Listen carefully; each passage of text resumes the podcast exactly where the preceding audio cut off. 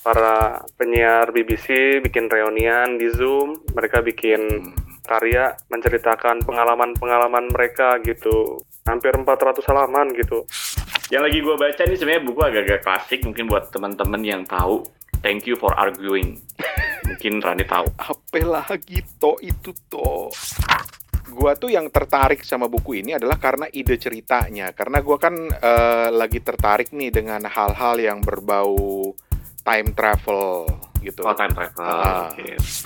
Lo yang punya buku atau mau cerita tentang buku, boleh walk in ke alamat Zoom ini, nggak usah nunggu diundang. Siapa pun yang kira-kira udah punya siap dengan bukunya, masuk aja langsung ke Zoom kita.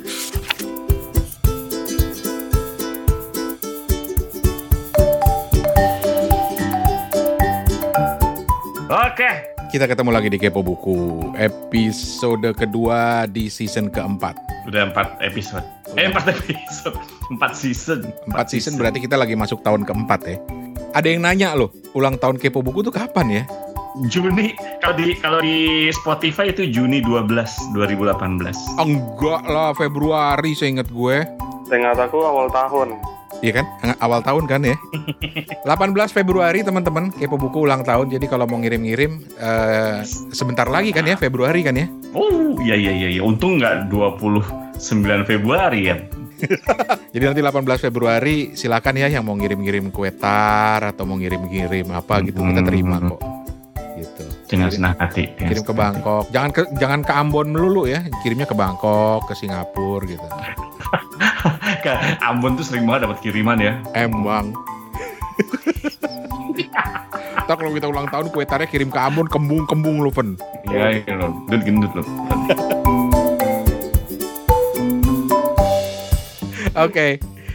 Hari ini kita santai-santai lah. Kita masih akan cerita soal buku apa sih yang eh, sudah kita baca di tahun yang baru ini atau sedang dalam tahap membaca.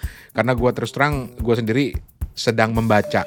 Jadi baru mulai kira-kira minggu lalu gitu. Eh, terus nanti juga Hmm.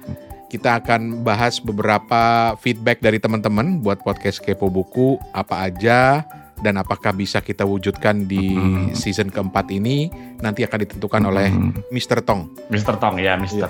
Mr. Tong. Oke.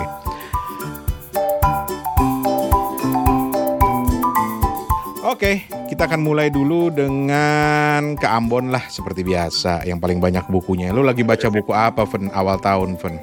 Ini terakhir nih baru ngabisin buku London Calling ya. London Oke. Calling tuh yang di kemarin tuh aku cerita para penyiar BBC bikin reunian di Zoom, mereka bikin Hmm.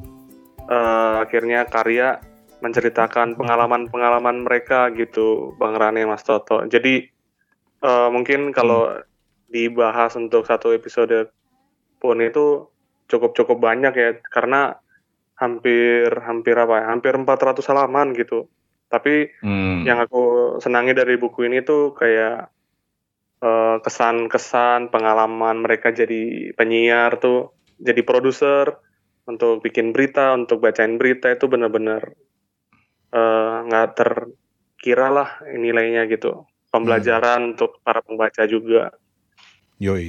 pernah bayangin kalau di zaman eh, 99 tuh bikin berita udah pakai komputer di Indonesia tapi di bus house-nya itu mereka masih pakai mesin ketik. Entah di 99 atau 91 itu zaman-zamannya itu circa 90-an lah pokoknya. Hmm. dan ngedit suara rekaman pakai silet gitu. Pita rekamannya disiletin terus ditempelin pakai slot tape khusus gitu Hmm. untuk disambungin di tape gitu tapi yang paling menarik tuh prinsip-prinsip tidak berpihak prinsip-prinsip netralitas tuh yang dijunjung tinggi sehingga jurnalisme ala BBC itu mendapat tempat gitu ya di kawasan konflik terutama. Soalnya aku pernah lihat mereka menyusuri Ambon waktu kerusuhan di awal-awal pecahnya rusuhnya itu. Hmm. Ketika mereka mau balik dari liputan, mereka kan harus melewati kayak palang-palang gitu loh, taruh ban, ditaruh uh, Oh. bambu gitu kan. Uh, Hmm, Ini hmm, ini dari mana gitu? Kami dari wartawan BBC gitu. Mereka akhirnya diyakinkan kalau Hmm. wartawan BBC ini akan mewartakan uh, konflik tersebut dengan dengan tidak dengan seimbang. uh, Juga iya sih. dengan seimbang. Makanya mereka akhirnya bisa bisa ke bandara gitu dengan aman gitu. Cukup menarik. Jadi ini kumpulan tulisan-tulisan para penyiar BBC Indonesia ya. Betul. Hmm. Gua tuh dulu ngelamar ke BBC kagak diterima-terima. Tapi menarik. BBC ini menarik banget eh, sebagai sebuah inter- institusi siaran internasional karena mereka itu sangat independen. Itu yang gue suka dari prinsip kerjanya BBC itu. Independen walaupun dia dibay- dibayar dengan uang pajak rakyat gitu. Gitu. Sebagai media publik gitu ya, dia tetap independen terhadap pemerintahannya gitu ya. Maksud lo gitu kan? Betul sekali. Dan ada satu sosok di BBC yang eh, menarik loh, Mas Eka Budianta. Oh, dia di sana. Iya, dia itu dulu mulainya di BBC. Aku dapat buku ini juga dari Bang Rane. Lu dapat dari Mas Eka langsung? Uh, iya karena uh, Pak Eka tuh sebagai apa ya sebagai publishernya Oh, banyak orang-orang hebat yang dari situ. Eh, Riza Primadi juga BBC, eh, Eka Budianta tuh BBC gitu. Buku yang menarik. Jadi itu lo baru selesai baca ya, Van ya? iya uh, Udah selesai baca aja dia awal Iya. tahun. Gue baru mulai malah. Terus sekarang lu ma- mulai baca buku apa? yang pengen dibaca tuh lagi ada kentut kosmopolitan Apa apa? apa? kentut kosmopolitan obrolan urban Gue pikir tadi dia ngomong kentut tuh lagi lagi maki-maki lu toh. Kentut Kosmopolitan ini bukunya Mas Seno ya. iya betul terus ada juga uh, seni mencipta puisi Iman Budi Santosa menyingkap rahasia dan teknik penciptaan puisi dari sang maestro penerbit Hmm. Jadi goals lu tahun ini ngarang puisi. ya enggak juga tapi uh, kalau melihat dapurnya maestro gitu Hmm. gimana sih cara cara bikin puisi Oh, bikin Van nanti kita nanti akhir tahun lu kan kemarin kita akhir tahun udah menutup dengan pantun. Hmm. Nah, Hmm. akhir tahun kita menutup dengan puisi lu gitu. Masih ada satu tahun lu untuk nyiapin puisi. Iya iya. iya. Terus terus ada ada juga nih dari Ong Hokham eh esai-esai di Kompasnya tuh terakhir di tahun lalu dibukukan dari soal priai sampai Nyi Blorong. Refleksi Hmm. historis Nusantara. Lu kayaknya tinggal nyomot di toko buku lu aja kali ya kalau mau baca buku ya. Ya enggak juga ini aku pesan. Gitu. Terakhir catatan harian Todung Mulia Lubis buku 3 penerbit Sirka juga. Sirka, oke. Itu buku-buku yang dijual tuh lu baca dulu nggak sih, Van? ada yang buku yang aku baca dulu tapi ada juga buku yang memang nggak aku sentuh gitu nggak bakal nggak dibuka segelnya gitu Soalnya gue mikir gini, kalau gue punya toko buku, masa sih gue nggak baca, gue bacain dulu aja semuanya gitu, baru gue segel lagi gitu. Nggak boleh gitu ya? iya iya Curang bener gitu Justru kalau Steven itu malah nggak disegel lagi, dia tulisin malah bekas dibaca Steven laku Dan langsung lebih mahal gitu kan ya. langsung lebih mahal. Soalnya ada tem ada teman gue yang punya toko buku kecil di Pondok Gede, dia bilang gini, eh kalau lu buku jualan lu baca dulu tuh sama aja lu jualan lemper, lu buka dulu, lu makan dulu, baru lu bungkus lagi. Iya iya iya. iya. Oke, itu Steven dan bukunya. Tapi gue ber- eh, tertarik nih, gue akan coba cari London Calling. Saya nggak ada digitalnya ya, Van ya? belum ada ya Belum ada, belum ada. Steven lagi lagi ini dia. Lagi kentut Cosmopolitan. kentut Cosmopolitan itu juga termasuk yang eh, masuk ke daftar gue sih. Gue penasaran karena eh, gue lagi coba baca bukunya Mas Seno lagi setelah sekian lama. Mm-mm. Hmm, Oke.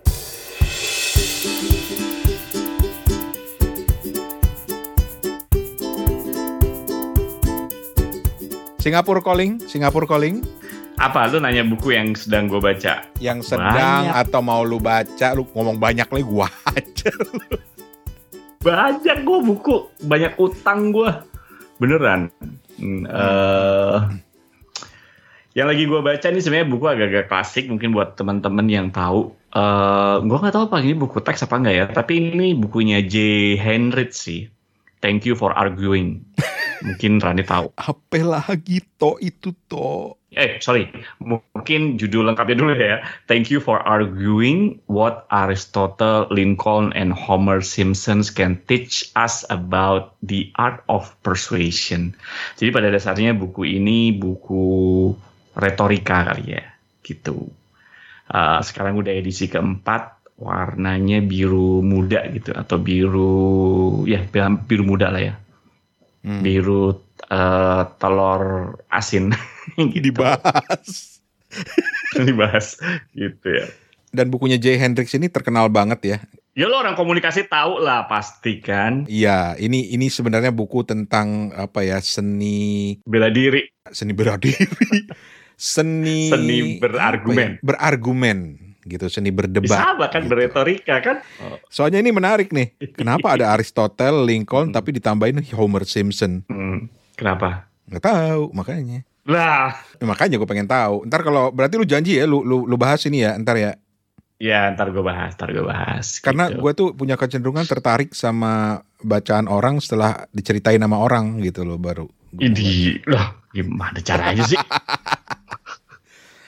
Oke, jadi tahun ini Toto mengawali kembali dengan buku-buku yang sifatnya lebih lebih realis, bukan realis, akademis. Oh, Enggak, Bukan akademis. akademis. Apa sih? Pokoknya Lu tuh buku-buku makanya begitu gitu. lah. Makanya jangan suka bikin bikin klasifikasi bingung sendiri makanya lo. gitu. Terus terus buku berikutnya yang lagi masuk antrian lu, ayo dong masa nggak ada sih Aduh buku banyak sastra dong. banget. Buku sastra belum ada. Tapi gue udah eh, gue udah bikin target gue kayaknya harus baca buku sastra satu minimal sebulan. Nah, udah ada rencana? udah ada. Apa-apa? Apa-apa? Apa? Ya gue sih buku yang sederhana aja, buku-buku misteri gitu. Judulnya apaan? Bukunya Alec Pavesi yang It Detectives. Hmm. Yang gue bilang lu harus bacaran karena Alec Pavesi ini adalah seorang matematika, matematikawan gitu, mathematician. Tetap lu ya, nggak lepas dari situ lu ya. Hmm. Soalnya kan kita diskusi uh, Alice in Wonderland kenapa gitu kan? Eh Carol Lewis itu jelas seorang mathematician. Kadang-kadang kita bahas ya riddle-nya dia ya. Lu mau bahas dari namanya, gue bahas dari matematikanya. Jadi ya itulah gitu. Jadi eh, ya itu dulu lah. Eh, mungkin sisanya adalah novel-novel berbahasa Indonesia, tapi gue belum tentuin sih. Mungkin gua akan gue ambil dari eh, Gramedia Digital. Halo Gramedia gitu. Udah nggak laku. Udah nggak laku, udah nggak laku. gitu. Eh, lu, lu, lu ya, lu ya yang ngomong ya, Gramedia Digital udah nggak laku, lu ya yang ngomong bukan gue ya. Bu- maksudnya bukan Gramedia digital nggak laku. Ha, aduh lu jangan gitu toh. Halogram halogram Dihujat lu. medianya udah nggak nggak laku. Oh, Alah, halo Gramedia udah nggak laku. itu udah so so 2020. 2021 harus Gitu. cari cari istilah lain Ya. gitu loh. Apa lo Gramedia? Gitu gitu. Itu menantang. Apa lo Gramedia nggak pernah ngasih sponsor gitu. Oke. Jadi Toto lagi baca The Eight Detective, Alex eh, mau baca The Eight Detective, Alex Pavesi. Ya, Alex Pavesi. Sama Betul. satu lagi uh, Jay Hendricks, thank you for arguing what Aristotle, Lincoln, and Homer Simpson can teach us about the art of persuasion. Betul, betul. Jadi 2020 ini eh 2020 2020 eh, 2021 ini yaitu target gue gue mau baca eh, ya minimal satu atau satu lah gitu. Minimal satu Hmm. atau satu.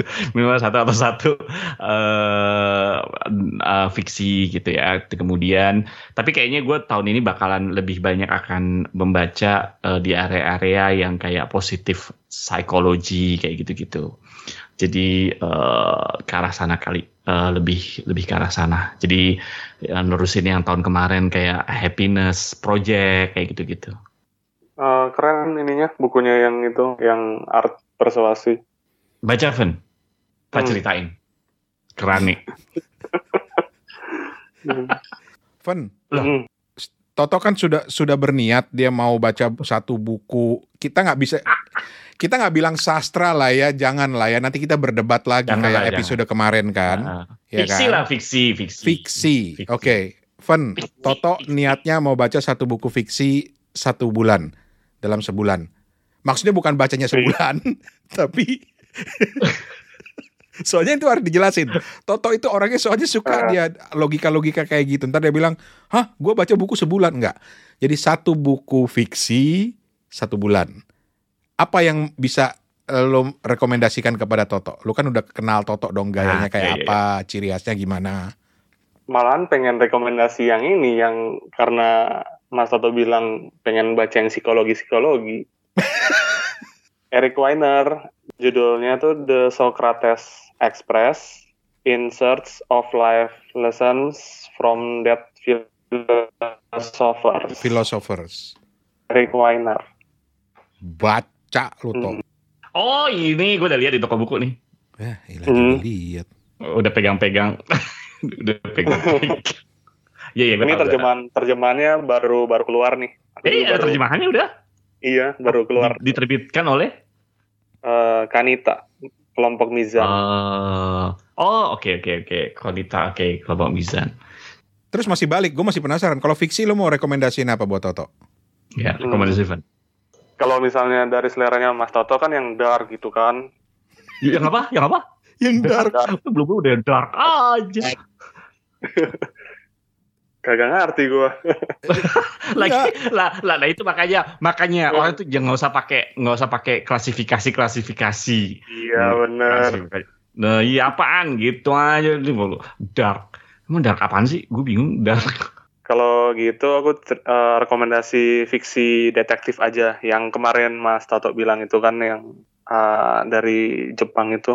oh iya itu judulnya apa lupa gue Gue inget, bentar. Gue inget tapi bentar. Iya kalau ingat jangan bentar langsung jebret Bukan apa-apa, karena ini sebenarnya buku yang masuk dalam eh, daftar bacaan gue di awal 2020 ini gitu. Nah, oke ber- berarti udah selesai berarti udah selesai Belum. Karena gue tergoda sama buku yang satu lagi. Jadi ini gue taruh di urutan kedua lah. Eh, Keigo Higashino, Miracles of the Namiya General Store. itu kayaknya udah ada terjemahnya juga di Indo Udah ya? ada juga, udah ada juga. Oke, baca ya. Awas lu nggak baca Oke. lu. Coba gue baca. Oh, gue baca, gue ba lu, gue bahas sampai detail lu. Kalau lu belum baca, nggak bisa ngebahas sedetail gue. Awas lu. Boleh. Heh, gila lu siapa takut. Gue baca dari bahasa Indonesianya. Steven baca mungkin dari uh, bahasa Inggrisnya. Kalau ada, lu baca dalam edisi bahasa Jepangnya. Hai, wakarimashita. Dikata gua bisa. Lah gua nulis nama gua pakai huruf Jepang aja tiba-tiba opat eh, DM gue dan bilang, "Bang, itu ra-nya udah bener, ne-nya salah, Bang." Eh Opat, gimana kabar ya Opat? Semoga sehat-sehat aja ya. Udah ganti nama sekarang, udah 2021 soalnya. Jadinya apa? 5. Garing. Garing. Garing pertama di buku. Opat, selamat malam. Masih ada yang kenal Opat nggak teman-teman? Jangan jangan ada yang kenal ya. Kasihan. Jangan, jangan, jangan, jangan.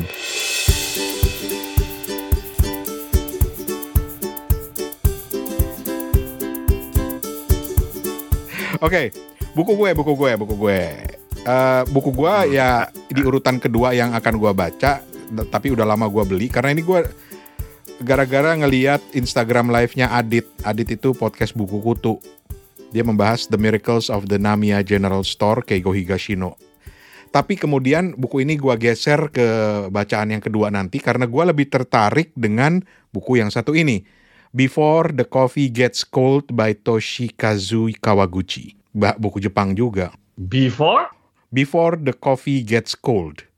Oh iya iya iya iya itu bukunya kecil gitu ya. Yoi. Ah sebentar. Kayaknya gue Dan dan before. Ini kan ada, ada dua kan ya? ada udah ada dua gitu. Tapi gua beli yang pertama lah. Bedanya apa sih? Ya beda Ah. ceritanya karena dia kayak kayak ada sambungannya. Oke. Tapi gue Mm, suka si Toshikazu Kawaguchi ini kan seorang apa ya istilahnya ya eh, sutradara teater atau apa gitu. Oke oke. Eh, dan memang Before the Coffee Gets Cold ini di Jepang dulu lebih awalnya itu dikenal dengan eh, pementasan drama gitu. Hmm, gue tahu ini, gue buku yang tahu ini karena di Kino toko Hmm. buku yang biasa gue kunjungin itu dijejer-jejer gitu. Hmm. Jadi gue nggak tahu apakah buku ini buku baru apa enggak. Yang jelas kelihatan. Jadi kalau makanya gue langsung tahu oh buku ini ada dua karena kalau nggak salah yang satu itu before the coffee gets cold yang ini sama satu lagi details apa gitu. Iya. Bener nggak sih? Iya, betul. Ada ada dua kan kalau nggak salah. Betul. Ah, ah, ah, kalau nggak salah. Betul.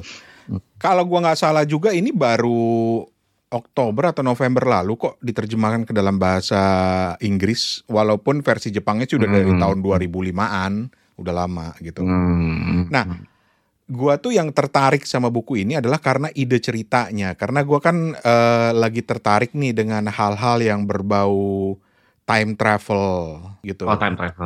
Oke. eh, Lo lo berarti udah nonton Interstellar dong? udah dong, udah. Tenet Tenet udah nonton Tenet. Udah, sebut semua. Terus gimana? Apa Terus gimana? Oke. Oh, Ngerti? oke. Ngerti penjelasannya? Ngerti, nggak ada matematikanya soalnya. Terus eh gue tertarik sama idenya ini karena si Kawaguchi ini settingnya itu sebuah kafe, kedai kopi gitu, dan lu bisa duduk di situ dan kembali ke masa lalu gitu ya sebelum kopi lu dingin. Oke. Kalau enggak, lu akan terjebak dan akan berubah menjadi hantu gitu. Tapi konsep science fictionnya itu yang menarik buat gue, walaupun banyak review yang mengatakan bahwa bu- ini bukan buku science fiction. Gue udah mulai baca beberapa halaman dan memang Hmm. dia memang lebih lebih ke ceritanya bukan science fictionnya, tetapi ide kafe yang sudah dari tahun 1870-an sekian gitu ya, kok dan, di kafe itu Hmm. di salah satu sudut itu ada Mm-mm. seorang perempuan berbaju putih yang selalu duduk di situ minum Mm. kopi. Dan ternyata perempuan itu adalah hantu yang itu tadi Mm. karena dia kembali ke masa lalu, time travel ke masa lalu, Hmm. terus Hmm. pas dia balik kopinya udah keburu dingin gitu loh. Jadi dia berubah menjadi hantu gitu. Nah, Oh. Kalau orang yang datang ke kafe itu terus duduk di bangku tersebut gitu ya, yang diduduki perempuan itu, dia akan juga bisa kembali ke masa lalu. Jadi setting ceritanya itu adalah orang-orang yang berkunjung ke situ, misalnya ada suami istri atau pacar orang pacaran yang ingin kembali ke masa lalu memperbaiki hubungan mereka, mereka duduk di situ gitu loh. Diceritakannya seperti itu. Tapi Hmm. gua kebayang nih kalau jadi film itu nggak ada tuh unsur-unsur kayak alat-alat antar waktu atau mesin-mesin canggih enggak gitu loh benar-benar cuma dia meng- menggunakan setting itu untuk menunjukkan bagaimana lo bisa ke masa lalu dan memperbaiki hidup lo Masa lalu itu tidak ada, Ran. lanjut ini gue demen nih Masa lalu, masa sekarang, dan masa depan itu tidak ada.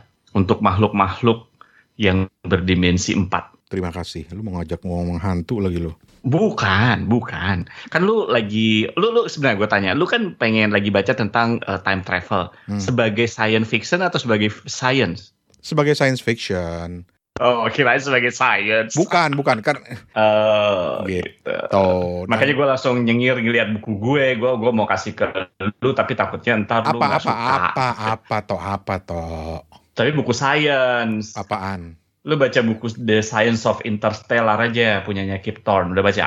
wah menarik nih Ada gambarnya yang penting buat lu. gue kayaknya terhina banget gitu ya nggak suka matematik The Science of sedih gue Ini buku lama banget, zaman zamannya deket-deket Interstellar keluar. Jadi uh, bukunya Kip Thorne, uh, Oh. uh, The Science of Interstellar. Oke, wah ini sih menarik ini. Langsung gue bookmark Gitu. gitu.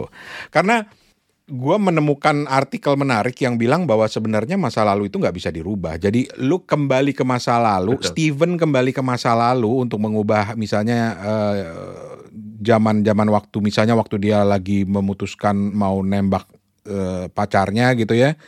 Terus untuk Mm-mm. eh, mengganti sejarah hidupnya waktu itu dia ditolak supaya diterima gimana gitu misalnya gitu itu nggak akan Hmm. akan terjadi karena ada teori yang bilang bahwa sebenarnya setiap sejarah itu udah nggak bisa dirubah. Udah ada patokan udah ada Mm, mm, mm. acuan tetapnya.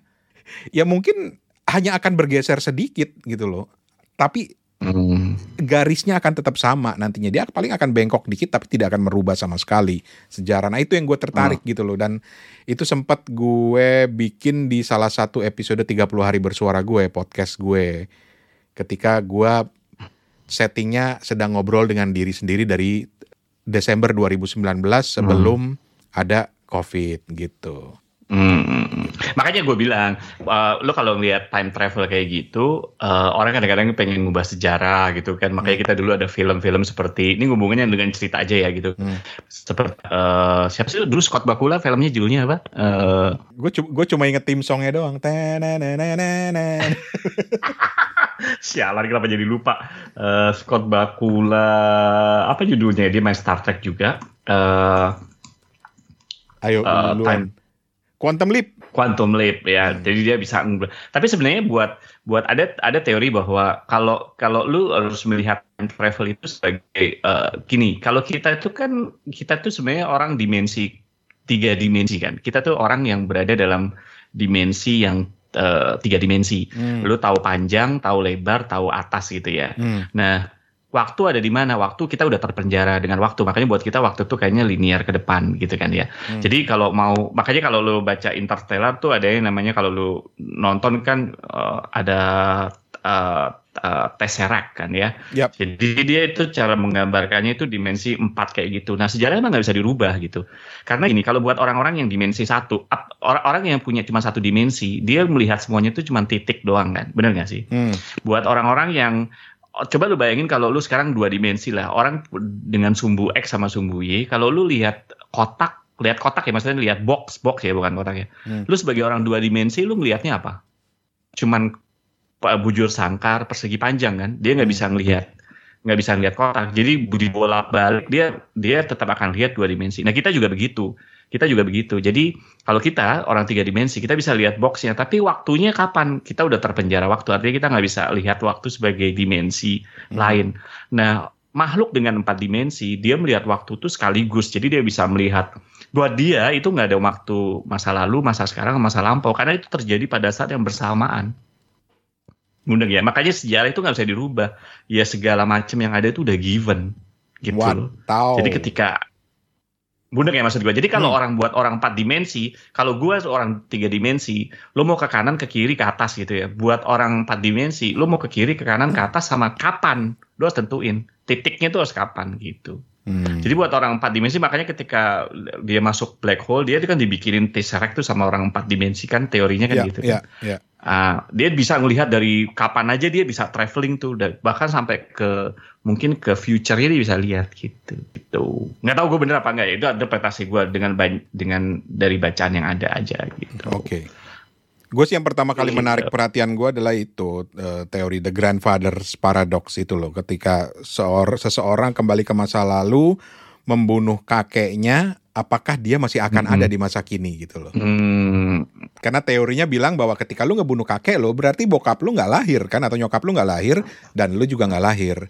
Tapi ada teori yang lain yang bilang Hmm. bahwa ketika lu ke masa lalu membunuh kakek lo, hmm, sejarah akan meluruskan dirinya sendiri gitu loh. Bahwa nantinya hmm. kakek lu nggak mati misalnya. Atau mungkin ada cara lain supaya lu tetap ada di dunia karena se- sejarah itu udah ada, udah berlangsung.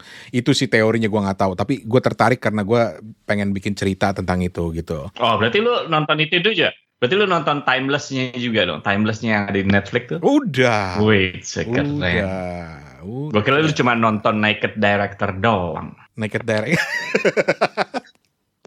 Dan Star Trek yang baru itu kan juga banyak Yang sudah habis. Yang, udah habis, ya. yang menyedihkan. Minggu ini itu. udah habis. Iya. Hmm. Ah sudah. Oh, nggak diterusin lagi. Kok minggu ini sih? Udah dari kapan tahu toh? Hah? Habisnya? Iya, nggak ada season keempat, nggak ada. Nggak ada, nggak ada. Udah Gitu. pasti. Eh nggak tahu, nggak tahu, nggak tahu. Gue nggak tanya. Nanti gue tanyain deh sama eh, ini sut- sutradaranya. Atau nanti gue Oke. kembali ke masa lalu dan nanya langsung ke Gene Roddenberry ya. Steven? Uh, good luck buat uh, apa yang nanti bakal ditulis. Seneng banget. Seneng banget ya. Tapi Steven masih positif. Dia masih positif. Ya good luck tentang apa yang bakal ditulis gitu. Hmm. Bayangin gue Steven mau bilang good luck ya. Semoga lu paham.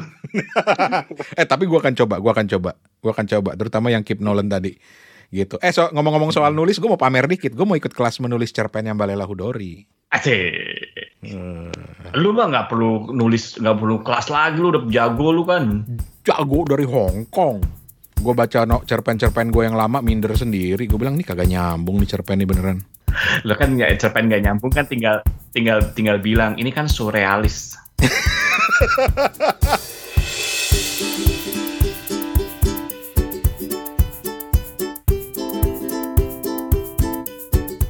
Oke, di waktu yang tersisa ini kita mau bahas sedikit dulu eh, beberapa feedback yang kita dapat dari teman-teman untuk kepo buku. Asik. Misalnya ada Abims yang dan beberapa teman-teman lain yang pengen banget kita ngundang narasumber artis toh. Misalnya Dian? Sastro. Waduh.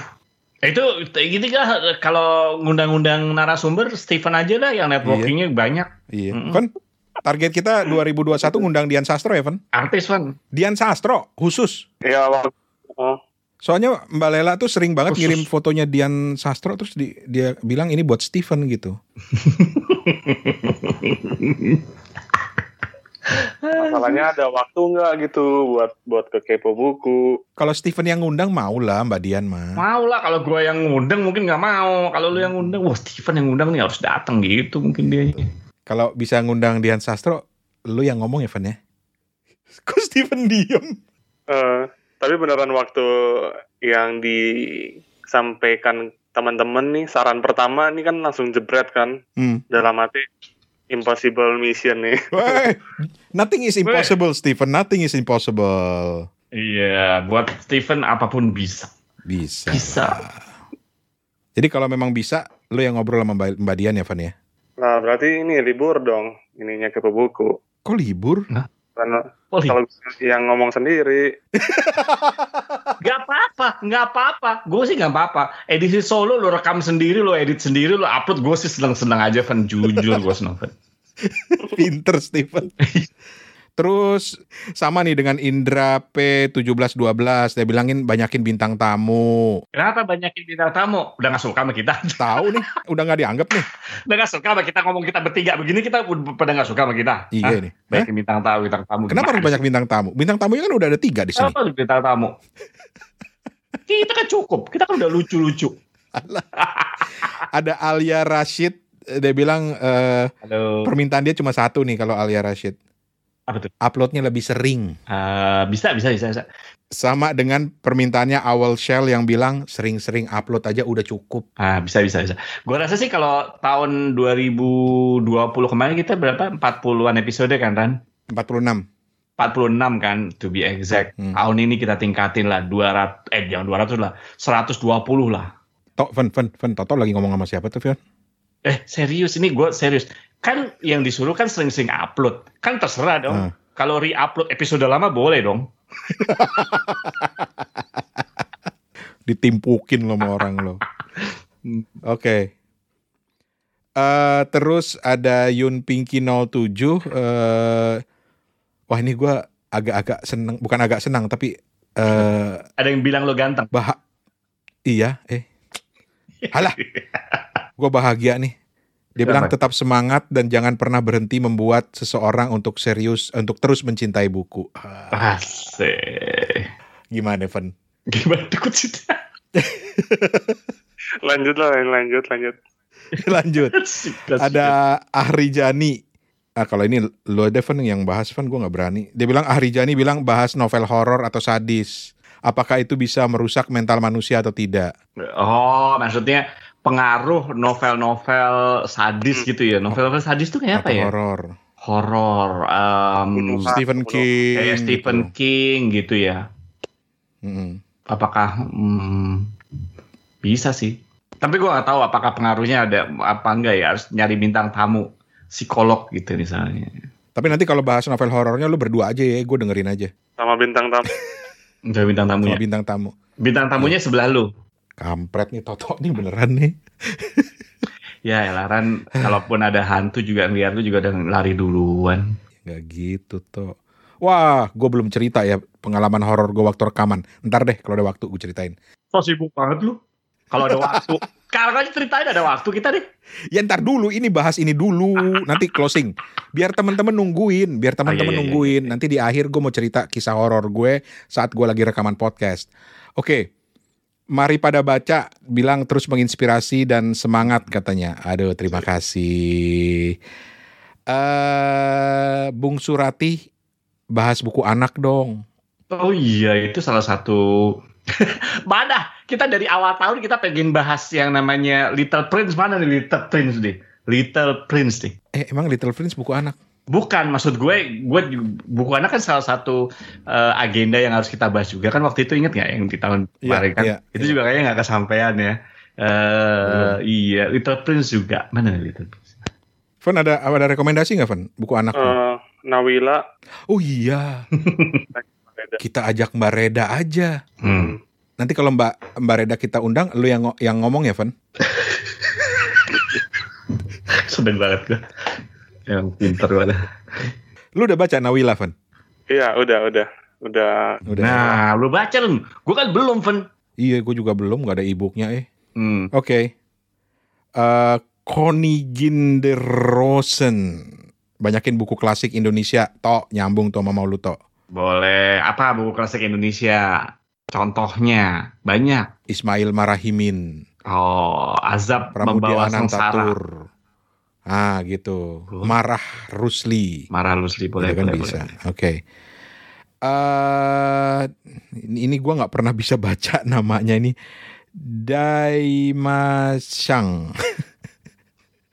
Perdalam riset dan info tentang dunia buku ya kak, barangkali main ke komunitas dan penerbit. Nah itu kita selain nama yang punya toko buku tuh.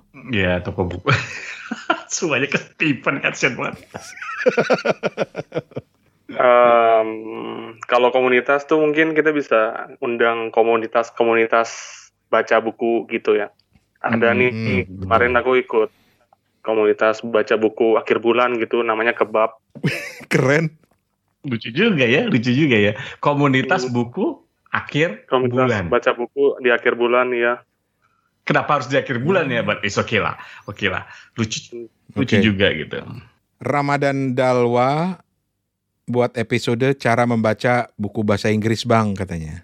Waktu itu udah pernah, tapi oke lah. Kita nanti kita ini lagi ya, kita bahas lagi.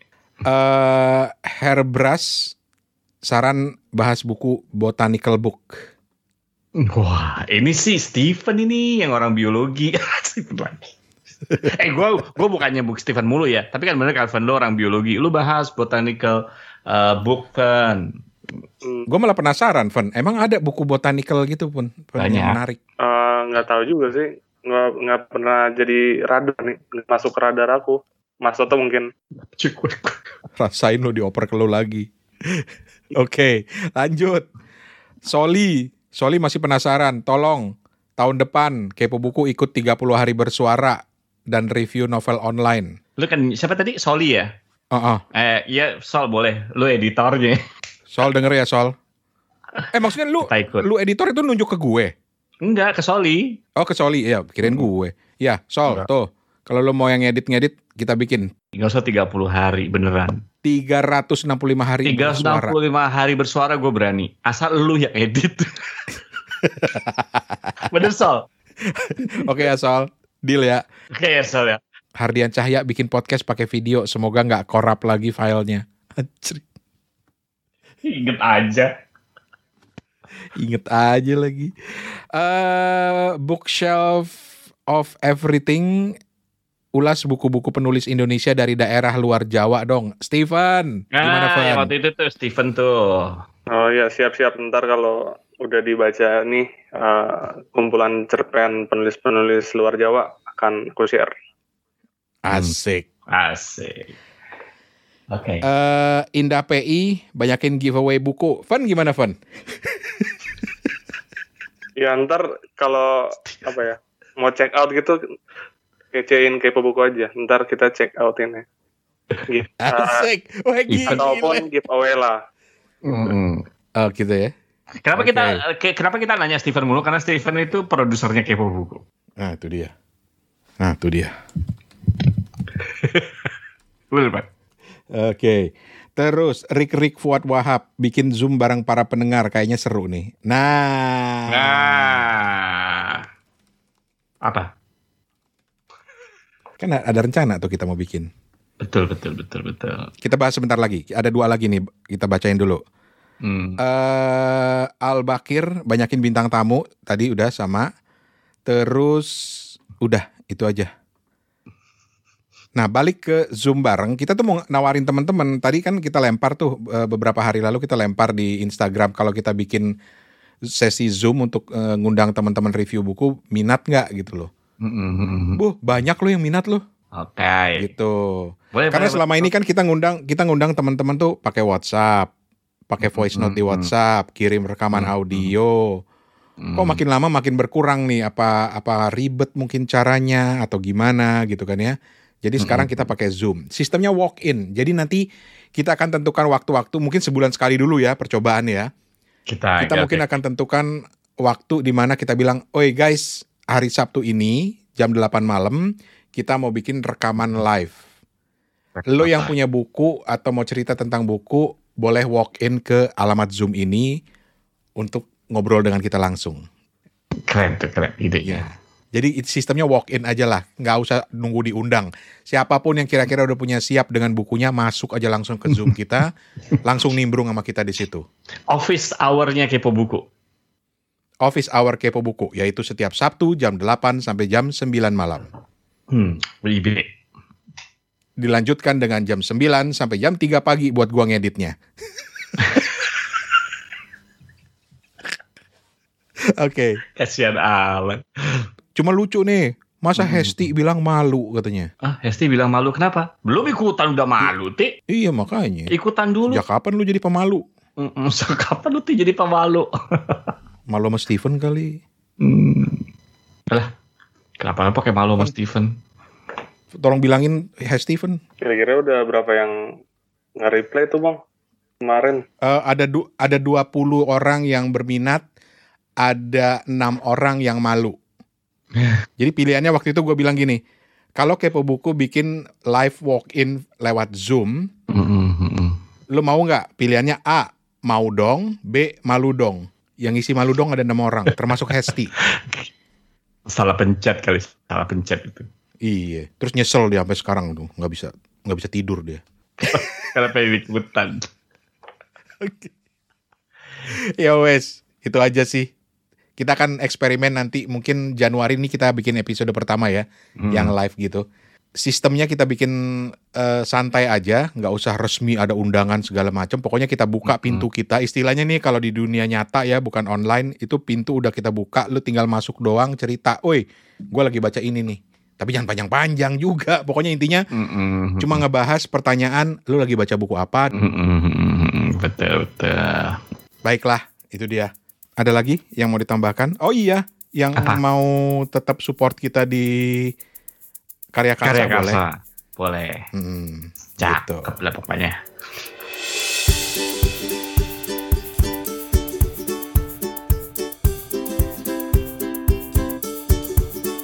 Oke, ada yang mau ditambahin lagi, Steven? Em, selamat buat ini ya eh, karya sastra pilihan versi Tempo. Kan udah ketahuan nih eh, untuk kategori prosa sama kategori puisi. Mm-mm. Kategori prosa Siapa yang menang? dari dari margin kiri dengan karyanya Aib dan Nasib. Terus Oh. untuk untuk kategori puisinya tuh ada puisi terbarunya Pak Sapardi Mboel Hmm. Hmm, yang salah satu karya sastra pilihan versi puisi. Hmm, Oke. sip. Sip, sip. Oke. Dan sebelum tutup, gue tadi janji mau cerita. Ini kan buat gimmick, ditaruh di belakang. Tapi aku mau Kenapa mau nyela bentar nih. Eh, Ya. celak, celak, silakan. Celak aku, celak aku. Oh, nyela maksudnya. Nyela, menyela. Kan di podcast sebelah tuh kan ini pernah juga eh, waktu rekaman di kedai kopi itu Hmm. Mbak Peti dari Potluck tuh pernah eh, kemasukan audio gitu. Serem banget ininya. Ntar dulu, ntar dulu, ntar dulu, ntar dulu, ntar dulu. Ini maksudnya kemasukan audio gimana ceritanya nih? Eh, jadi eh, episode mereka tuh lagi wawancara one on one gitu di sebuah kedai kopi di sebuah bangunan gitu. Mm-mm.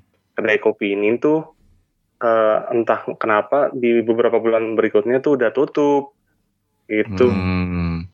Nah di cuplikan rekaman itu ada yang nongol gitu loh ceritanya. Maksudnya yang nongol gimana? Suara makhluk empat dimensi itu masuk ke rekamannya mereka. Serius lu? Oh. Iya serius. Lu denger? Ya kan di ini di upload. Terus yang yang kedengeran apa? kayak orang nyamber aja gitu ngomong Terus ngom, ngom- nyam- nyamber ngomongnya ngomong apa? cuma kayak wow gitu nah Wow. Aku mau bandingin nih sama ceritanya bang Rane gitu udah udah udah Eh tapi sebenarnya kalau live kayak gitu sebenarnya nggak apa-apa ya. Misalnya kita nih live kita bertiga, Hmm. tiba-tiba ada yang Hmm. nyautin gitu kan. Kayak kita masih tetap bertiga. Hmm. Yang yang serem itu kalau misalnya Rani lagi sendirian ngedit malam-malam gitu, tiba-tiba ada yang suara sendiri gitu kan. Kan lebih serem begitu kan. Her Toto Eko, Atau dia lagi di depan komputer. Komputer itu kan Her Toto Eko. bisa flaring ya di belakang kita kelihatan gitu kan bisa Aduh, anjrit. Nyesel juga sih gue nantangin cerita. Tapi gini, ya gitu memang ceritanya. Sama. Jadi lu lagi ngedit, ah. Gue lagi rekaman. Lu merinding gak sekarang? Gue itu enggak sih. Oh biasa. berarti gak serius, berarti gak serem ceritanya. Ya cari yang lebih serem lagi. Eh tapi boleh juga nih kapan-kapan kita bahas buku horor kayak begini. Tapi oke, gue tuh lagi rekaman, lagi voice over, ngerjain voice over temen gue. Dan karena itu eh, voice over yang dibayar, yang profesional, gue harus nyari tempat yang benar-benar kedap gitu kan. Mm-mm. Akhirnya gue lakukan itu di lemari kamar gue. Oke, terus? Jadi mikrofon sama komputer gue masukin ke lemari karena lemari itu kan ada banyak baju dan itu Ah, ah. lemari emang udah lama nggak pernah gue buka Ini di mana? Di rumah lo di rumah gue di Thailand. di Thailand. Nah gue mulai merinding anjing apa-apa lah. karena gue ngelihat lemarinya dari sini. Eh, jadi gitu. Gue rekam di situ. Gue punya kebiasaan kalau ngerekam itu gue rekam apa adanya dulu kayak kepo buku ini baru gue edit belakangan kan. Mm-mm. Jadi gue rekam lah. Itu durasinya sekitar 20 menit. Begitu gue lihat wah 20 menit nih. Berarti banyak yang harus gue edit. Udah dong selesai gue pindahin komputer ke meja kerja. Terus gue mulai buka terus gue ngedit. Begitu gue play kan masih suara gue masih kosong tuh. Karena gue kebiasaan kalau ngerekam kasih jeda kan di awal kan. Kosong. Oh bagus nih. Begitu gue mulai ngomong Mm. itu ada masuk suara musik tradisional Thailand. Su- suara apa? Suara musik tradisional Thailand. Oh, oke oke oke oke. Ini lemarinya lu lemari emang beli sendiri apa dapat dari apartemennya? L- lemari dari apartemen. Oke oke oke oke. Gitu. Mm-mm. Gue penasaran dong. Oh, gue fast forward. Mungkin nih ada radio bocor atau tetangga Mm-mm. lagi muter lagu apa gitu kan biasa kan. Malam minggu gue ngerjainnya waktu itu kan. Terus gue gua geser, pindahin. Gitu masih gitu juga toh, Pen. Mm, terus Kok ada musik lagi? Gue dengerin dong terus lompat lompat lompat. Anehnya setiap kali gue berhenti ngomong untuk jeda, musiknya juga berhenti. Hmm. Tapi begitu gue ngomong, lanjut lagi tuh. Oh, terus rekamannya lo ada? Dengarkan selengkapnya di podcast Babelo. Ah. tapi lu tapi lu Enggak, enggak. Ada, ada, ada, ada. tapi udah udah yakin bahwa lemari lu itu bukan lemarinya Narnia. Siapa tahu aja lemari Narnia versi Thailand. Lu mau ngomong lemari Narnia, Narnia juga gue kagak ngerti toh maksudnya apa. Ya Allah, ya Narnia masa kagak ngerti ini kan ter terkenal banget. Bodoh amat lo. Wah bener-bener lu. Lu kagak pernah tahu The Chronicle of Narnia nggak tahu? Yang ada anak kecil yang masuk ke lemari, masuk ke dunia Narnia. Eh, ini bukan cerita horor, ini cerita anak-anak. Lu serius kagak tahu? Oh. Belum baca. Berarti, oke, berarti lemari lu mungkin lebih serem lagi kali ya. Berarti, berarti benar-benar, halah, aduh. benar-benar hantu. Aduh. Benar Tapi ya gitu, terus gue penasaran dong, gue ke bawah ke satpam apartemen gue. Sapam, sapam. Dia nggak bisa bahasa, ah, ah, satpam, dia nggak bisa bahasa Mm. Inggris. Tapi Mm-mm.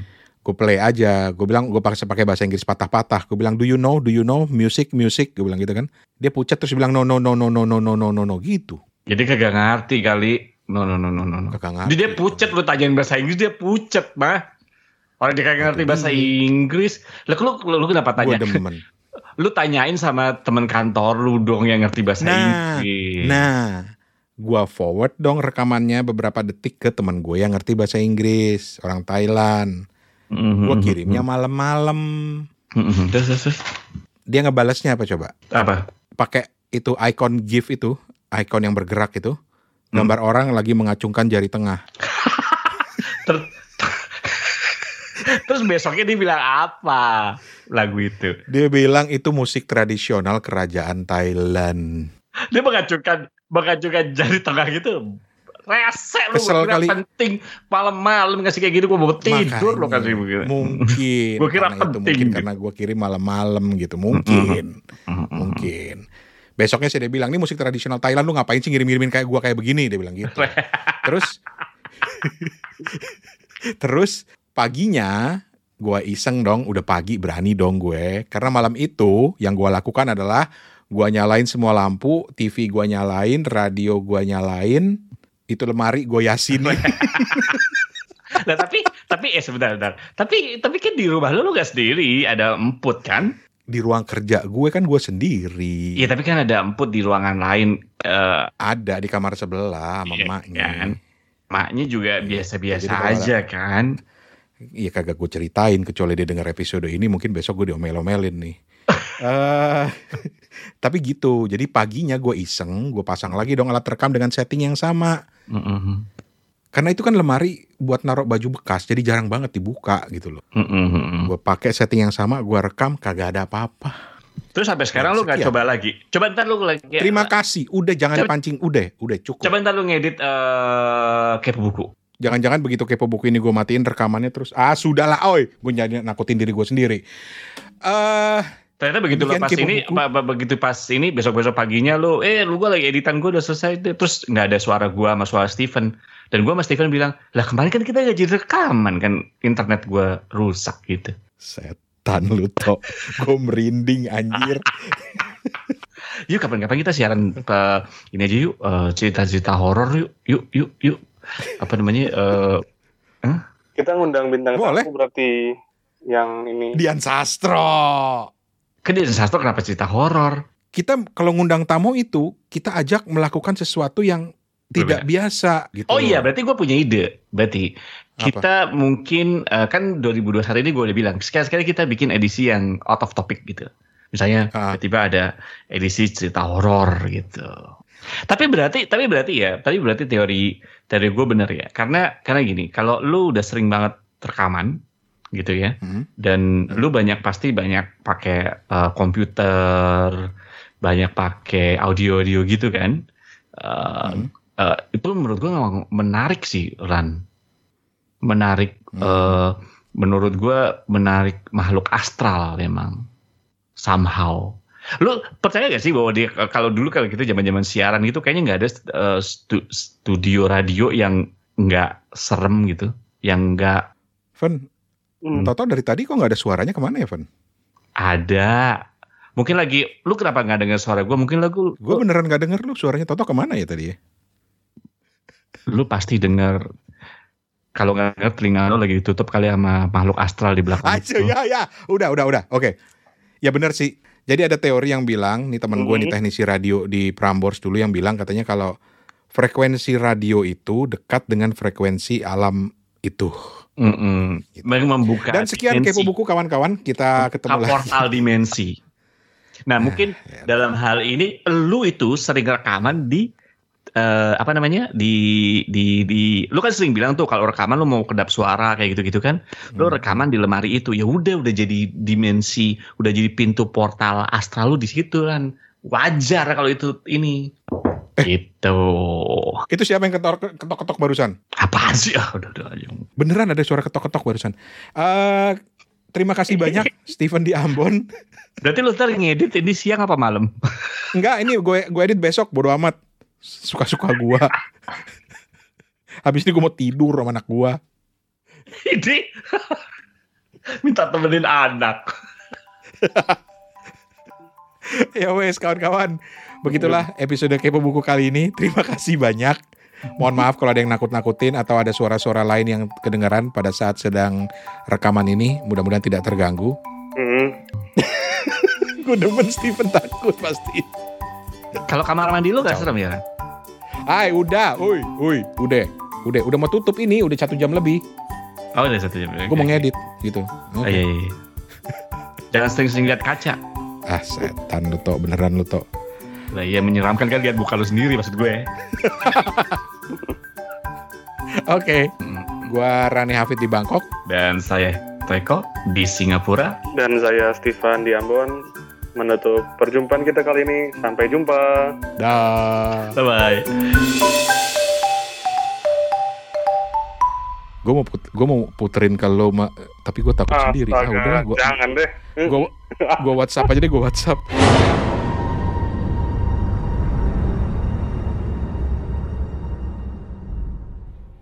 Tok, loh, Tok, Ven, Ven, Lah pada ke mana orang-orang?